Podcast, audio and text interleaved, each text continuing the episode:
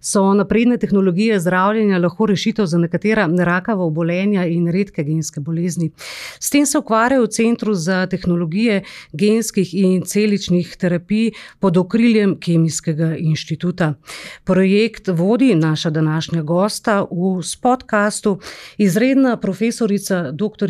Mojca Benčina.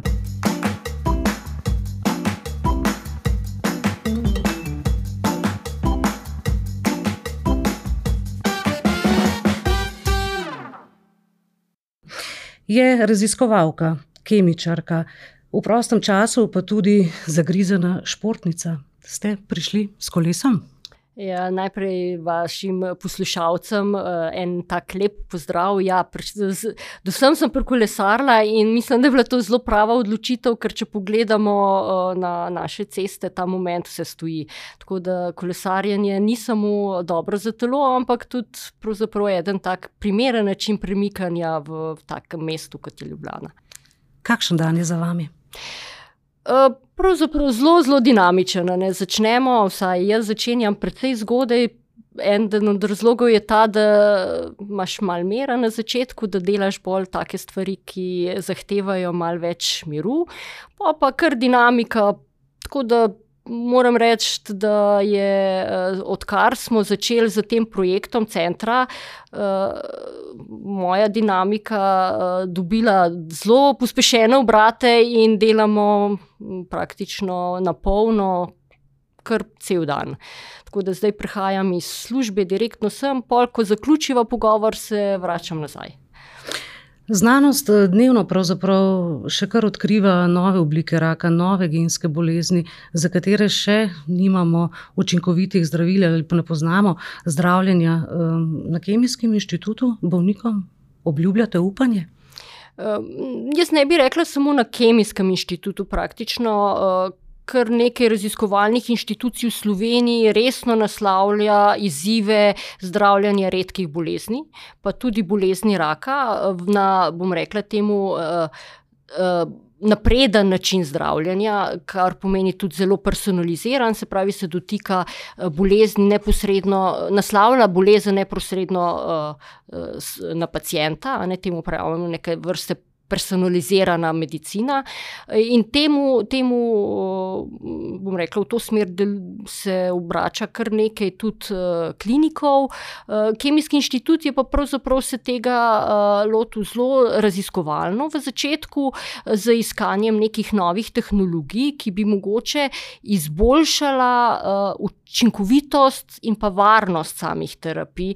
Hkrati pa preverjamo oziroma iščemo načine, kjer bi lahko z nekim, specifičnim načinom zdravljenja izboljšali oziroma naslovili več različnih bolezni. Zakaj je ta pristop mogoče malo bolj zanimiv, je predvsem zato, ker lahko s tem pospešimo oziroma pocenimo same,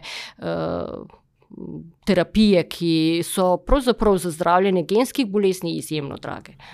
Pa kaj to konkretno pomeni v praksi? Da boste vi razvijali neke produkte, ki jih boste potem, ponujali zdravnikom, ki bodo zdravili primerne bolnike, paciente? Ja, točno to, ne, mi že, ko smo začeli s tem projektom, smo sodelovali s hematologi in, je bilo pravzaprav izpostavljeno vprašanje, a lahko v okviru Slovenije najdemo način, da bomo pravzaprav pacientov, da bodo pacienti bili deležni terapij, ne samo, bom rekla, boljših terapij, ampak tudi cenejših terapij, in smo skupaj s hematologi nekako prepoznali, da nam manjka ta, prostor, kjer bi pravzaprav te terapije lahko pripravili do te mere, da jih potem lahko zdravniki prevzamejo in, z njimi pol naprej naslovijo bolezen pri pacientih. In to je, to pravzaprav ta center, katerega poskušamo postaviti v tem slovenskem okolju, naslavlja. Torej vi boste razvijali neka napredna zdravila do začetka teh kliničnih raziskav. Tako. Bodo primerni vsi bolniki? Eh, kdo bo odločal o tem, eh, kdo je primeren za takšno zdravljenje? Raziskovalci si predvsem želimo, da bi naredili eno tako zdravilo, ki bi bilo univerzalno za vse, kar pa vemo ne, iz eh, prakse, da je praktično nemogoče. Se pravi, kateri bolniki oziroma katere bolezni bomo lahko naslovili, je predvsej odvisno od te tehnologije, kakršno razvijamo. Trenutno lahko naslavljamo. Uh, pri, pri imunoterapiji raka, rakava obolenja, ki so vezana na hematološke rake. Eh, seveda si pa želimo, da bi ta nabor eh, rakov lahko razširili, zato je seveda potrebna čisto osnovna eh, raziskave, ki so po svetu intenzivne in na podlagi teh spoznanj se potem upamo, da v zelo kratkem času razvijajo nove terapije oziroma nove tehnologije, ki bodo naslovile tudi druge rake.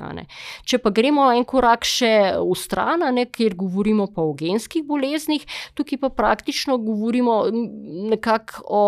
Resnično personalizirani medicini. Namreč pri uh, uh, redkih genskih boleznih govorimo o pacijentih po, v svetovnem merilu od 40 pacijentov, pa do 2000 pacijentov, potem pa že, uh, in to so te ultra redke genske bolezni, ki se jih uh, farmacevtska industrija običajno ne, ne, ne naslavlja z svojimi terapijami, in to pa so. Pravzaprav resnično redke bolezni z popolnoma novim načinom pristopa zdravljenja. Tukaj, pa, tukaj je pa izziv ne samo to, da potrebuješ veliko denarja, ne, potrebuješ tudi kar nekaj znanja, ne, da tako bolezen identificiraš ustrezno in potem tudi ustrezno nasloviš terapijo. Karti celična terapija je že znana in tudi zelo uspešna. Kje jo uporabljate? Zakaj gre?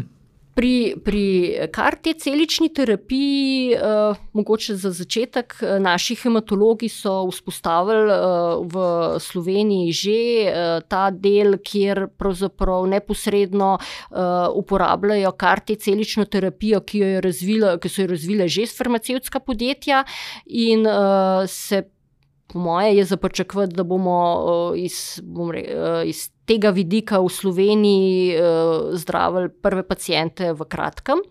Je pa seveda uh, to način, ne, da iz pacijenta.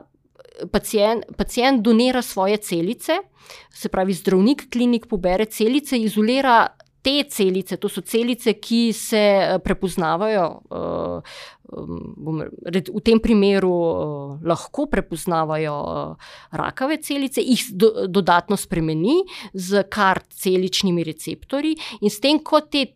Te celice iz človeka, to so imunske celice, spremenimo, se pravzaprav vzpostavi nek mehanizem, da bodo celice specifično prepoznavale raka. V tem primeru preoblikujemo pacijentove celice na način, da prepoznavajo raka pacijenta. In to je, kot sem rekla, trenutno možno, oziroma se uporablja za hematološke rake. Zakaj za hematološke rake? Namreč to so raki, ki se. Uh, ki so tesno vezani na določene celične spremembe, ki jih drugačni. Drugače v, v zdravem, v, v, pri, pri zdravem človeku teh sprememb ni, tako na ta način lahko potem naslovimo to, rekla, eh, ta, te, to vrstne rake. Bo vsaka terapija predpisana vsakemu bolniku posebej? Ja, jaz mislim, da v tem primeru eh, začne se vedno z osnovnim pregledom, kakšne vrste raka uh, pacijent ima, ne, in na podlagi te informacije, katera, za katero vrsto raka gre, se potem terapija temu primerno prilagodi. Še vedno so pa to popolnoma. V, Predvsej v povojih to vrstne terapije, namreč še vedno se srečujemo tudi z nezaželenimi učinki. Namreč tukaj gre za terapijo, kjer mi uh, celice pacijenta naučimo prepoznavati določene signale, in če te signali niso izraženi izključno samo na rakavih celicah, predstavlja to dodatno tveganje za pacijenta, ker lahko te, to prepoznavanje uh, se potem preusmeri tudi na zdravo tkivo, kar pa nočemo. Se pravi, to je eden od izzivov. Drugi od izzivov, ki se ga srečujemo, je pravzaprav ta prekomeren odziv zdravljenja, kjer pa pravzaprav pacijent se. Človeško telo uh, ob tem zdravljenju odzove tako intenzivno, da pravzaprav samo sebi škodi. In na Kemijskem inštitutu se pravzaprav uh, obračamo v to smer, da bi lažje nadzorovali ta segment, kako preprečiti ta prekomeren odziv človeškega telesa na zdravljenje, kar je, uh, se pač s tem ukvarjajo tudi v, v svetu, intenzivno v svetu, ampak um, mi pred, si nekako jemljemo to prednost, da za sintezno biologijo, ki je pri nas zelo dobro upeljana, ta problem naslavljamo mogoče mičken drugače. Ampak da ne bodo ljudje narobe razumeli, um, kateri bolniki se lahko znajdejo v tej zgodbi. V tem primeru gre za bolnike, rakave bolnike, za katere klasičnega zdravila ni. Ne, ker vemo, da, da veliko rakov vse zdravi, oziroma se razvoj raka upočasnjuje z citostatiki. V primeru, da pa ta zdravila ne delujejo, ne, in da teh zdravil pravzaprav nimamo. V tem primeru se uh, nekako obrnemo na, na to imunoterapijo raka, kjer se uporablja kar te celična terapija.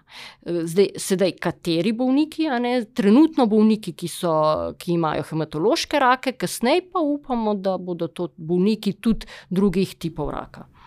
Kaj pa genska terapija konkretno? Gre za zdravljenje enega gena ali um, multigenske terapije? Ja. Tako je, ne, mi imamo pri, pri genskih boleznih pač različne oblike genskih bolezni. Mi, eh, raziskovalci, pravimo temu monogenetske in eh, multigenetske bolezni. Trenutno znamo z temi novimi tehnologijami naslavljati predvsem monogenetske bolezni. Kaj to pomeni? Ne, če imamo mi neko mutacijo v, ne, v genu in je ta ena sama mutacija povzroči spremembo oziroma uh, povz, uh, inducira, inducira bolezensko stanje, v tem primeru lahko mi z gensko terapijo, z spreminjanjem tega gena popravimo. Oziroma, izboljšamo stanje bolnika. Uh, v primeru, da gre za recimo uh, mutacijo na način, da, da delovanje telesa, da se delovanje gena oziroma delovanje proteina, za katerega gen kodira, zmanjša. Ne, v tem primeru je to, uh, ta zdravljenje mogoče mičken bolj univerzalno, mal bolj enostavno iz znanstvenega vidika, kot v primeru, da moramo zelo specifično spremenjati več kot en gen. Zato pravimo, da se trenutno. Uh, umeščamo oziroma poskušamo naslavljati monogenetske bolezni.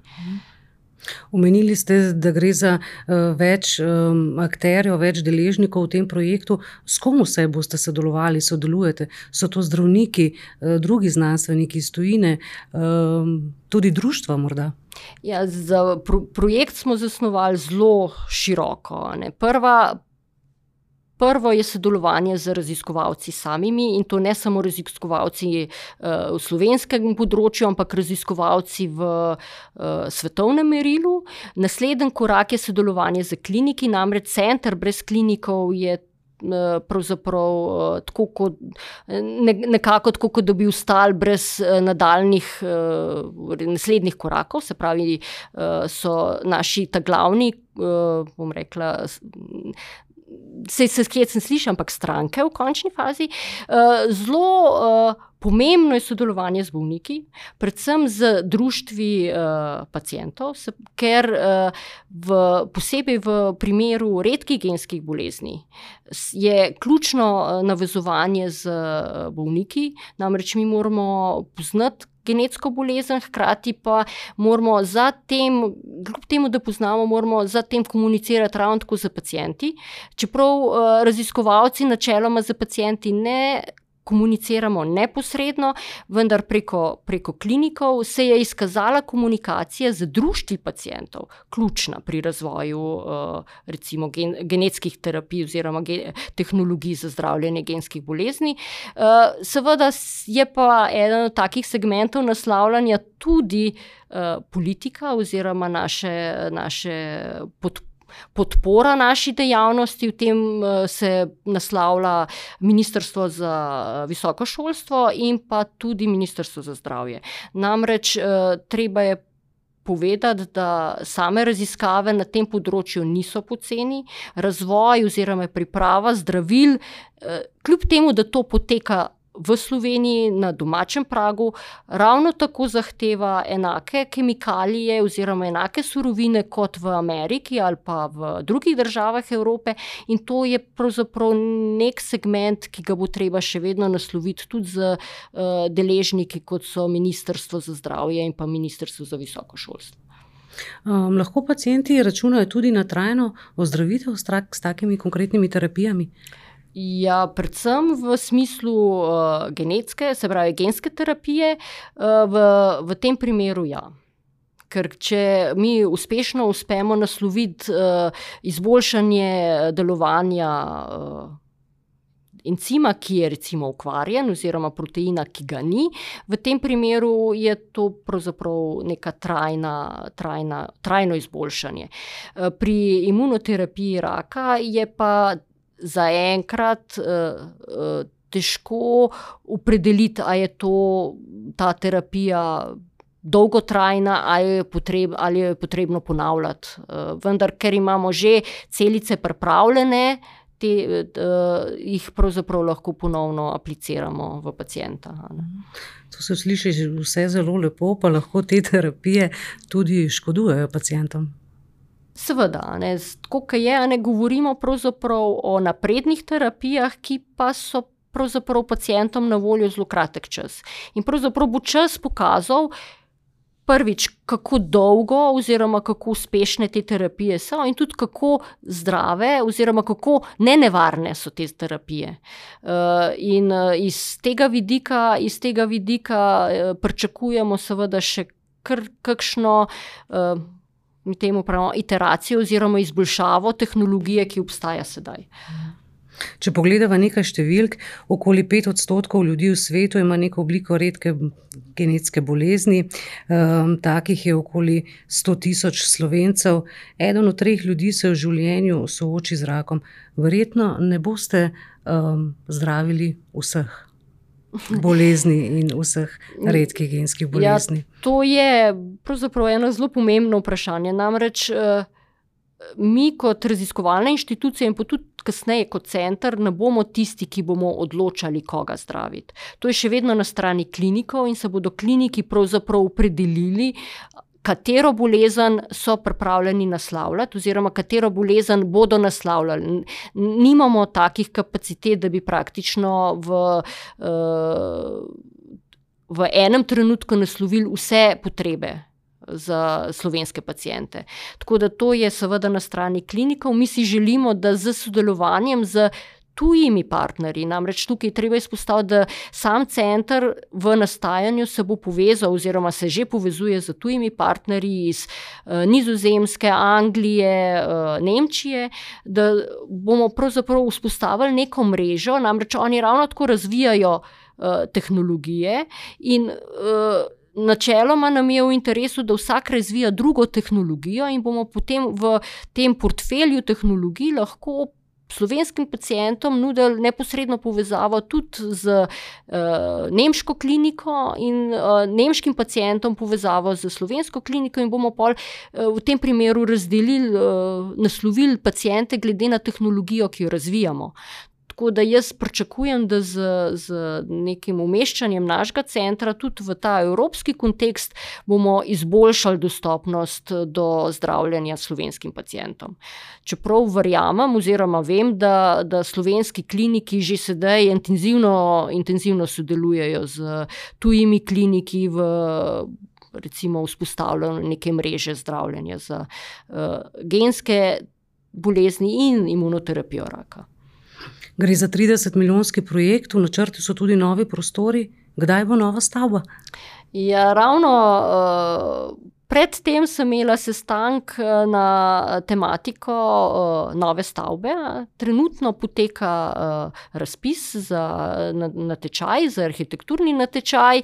Uh, mi, seveda, raziskovalci, si želimo, da bi bila stavba že postavljena, nam, ker pač imamo potrebe po prostorih neverjetne na Kemijskem inštitutu, načeloma po časovnici, ki je opredeljena v projektu, bo nova stavba, bi mogla nova stavba stati leta 2027.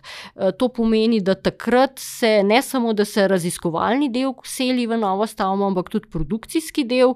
Tako da ja, jaz upam, da bo šlo vse po načrtu. Vemo, da smo Slovenci zelo iznajdljivi pri postavljanju uver. Jaz upam, da v tem primeru bomo bili dosti pametni, pa razumni, da bomo se tega izognili. Tako da ja. 2027 je tista lučnica, na katero ciljamo. Koliko ljudi bo sodelovalo? Zdaj, v samem začetku, seveda, tisti operativci, ki so potrebni za to, da sama, bom rekla, postavitev centra, se fizično stavba, se nekako postavi, da se umestijo noter vse ustrezne tehnologije, ki so potrebne.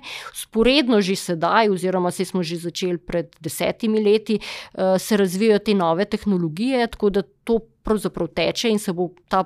Bom rekla, projekt oziroma raziskave se bodo samo širile. Zaposlenih koliko, ne, v nekako v projekciji predvidevamo dvajset polno zaposlenih na centru, ki bodo operativci, ki bodo praktično opomočili delovanje centra samega, medtem ko na področju znanstvenoraziskovalnega dela pa je ravno tako želja, da imamo vsaj dvajset zaposlenih, upam, da pa jih bo bistveno več. Veliko Slovencev pozna zgodbo o malem Urbanu. Kako ste na Kemijskem inštitutu vpeti v ta projekt? Pravzaprav na željo staršev, ne? Ja, no, saj, hvala za to vprašanje, to je pravzaprav ena taka dobra zgodba in mogoče en tak model, kako pristopiti k zdravljenju oziroma k razvoju terapij za redke bolezni, a ne. Tukaj je pač mama Urbana, [ime in priimek] naredila veliko kampanjo, izjemno uspešno kampanjo za zbiranje sredstev in je pravzaprav sama kot z vidika društva pacientov naslovila raziskovalce, ali smo sposobni razviti terapijo v nekem doglednem času. In ta projekt je stekel tako lepo, se pravi, izbrali so se raziskovalci iz Avstralije, Italije, nas, Kemijskega inštituta, Kliničnega centra, in pa Amerike in smo praktično skupaj v letu in pol, dveh letih prišli do neke razmeroma dobre rešitve za zdravljenje te genske bolezni in trenutno potekajo, raziskave, že v predklinične oziroma, ja, predklinične raziskave v, tem kontekstu in računamo, da bi do konca leta dva štiriindvajset imeli zdravilo, ki bi bilo, ki bi pridobilo dovoljenje tudi, Agencije za zdravila, a ne, za uporabo. Namreč v celotni fazi razvoja smo vpletli tudi, Evropsko agencijo za zdravila, se pravi Emo, in pa slovensko AZMP, ker nam na koncu še vedno, regulatorji pravzaprav dajo dovoljenje ali ne. In ta projekt kaže, kako pomembno je pravzaprav sodelovanje z društvom pacientov. Namreč če ne bi bilo za nami nekoga, ki bi, ki ima točno določen cilj, bi verjetno ta razvoj sicer prišel nekje do konca, ampak bi to trajalo bistveno dalj časa. Da bo gledalcem jasno, poslušalcem, kakšno okvaro ima Urban? Gre za, mi pravimo CTNNB1, mutacijo, gre pravzaprav za zmanjšano, aktivnost oziroma delovanje beta-katenina. Še eno področje, s katerim se ukvarjate, to je sonogenetika. s pomočjo ultrazvoka. Kaj to pomeni konkretno, kaj delate? Ja, sonogenetika je pravzaprav en tak, zanimiv pristop uporabe ultrazvoka za uravnavanje delovanja celic. nekako smo razmišljali, kako bi mi, če se postavimo recimo v vidik raka, ne, ima, ko ima pacient tumor, mi lahko ta tumor zdravimo seveda sistemsko, da pojemo tableto, da dobimo citostatike in s tem pravzaprav vplivamo na razvoj celotnega telesa z temi zdravili. In sem rekla, kaj bi bilo, če bi mi pravzaprav to spremembo okolja, okolje raka, uspeli inducirati z, oziroma pospešiti z ultrazvokom. S tem, da dodamo v, v, bližino, v bližino raka neke celice, ki se na ultrazvok dobro odzivajo. Tako smo pripravili celice, ki smo jim noter dodali terapeutike, eh, uporabljali ultrazvok in smo z ultrazvokom pravzaprav. Prižgali, ne, se pravi, aktivirali celice, da so naredile svojo domačo nalogo, in so samo v tisti okolici, kjer prav celice so, sproščale uh, neke, bom rekla, kemikalije, ki so pozitivno delovale na zdravljenje tega bo stanja, ki smo ga preverjali. Napredni načini zdravljenja, po vašem, potem eh, so prihodnost in vi ste zelo optimistični glede tega. Ne? Ja, ja ne. Mi, mi na Kemijskem inštitutu verjamemo v to, v vsakem primeru moramo verjeti, ampak resnično verjamemo v to, da napredni načini zdravljenja so prihodnost. Seveda imajo še, bom rekla, te, mi pravimo temu, porodne težave, eh, ne samo v Sloveniji, tudi svetovno v Evropi. Eh, se učimo na, na na rekla, napakah, oziroma na rezultatih. Uh, in upam, da v kratkem bomo imeli kakšno zgodbo o uspehu tudi v Sloveniji. Ste ugledna znanstvenica, preglova nagrajenka. Kako si spočijete, kako spočijete možgane v vsem tem raziskovalnem delu? Kot ste umenili, ne sem športnica, ne najlažje je počivati možgane s tem, da gremo čist na drugo stran, se pravi na mesto sedečega dela in branja take in drugačne literature, ne, pravzaprav nekaj fizičnega in to je šport.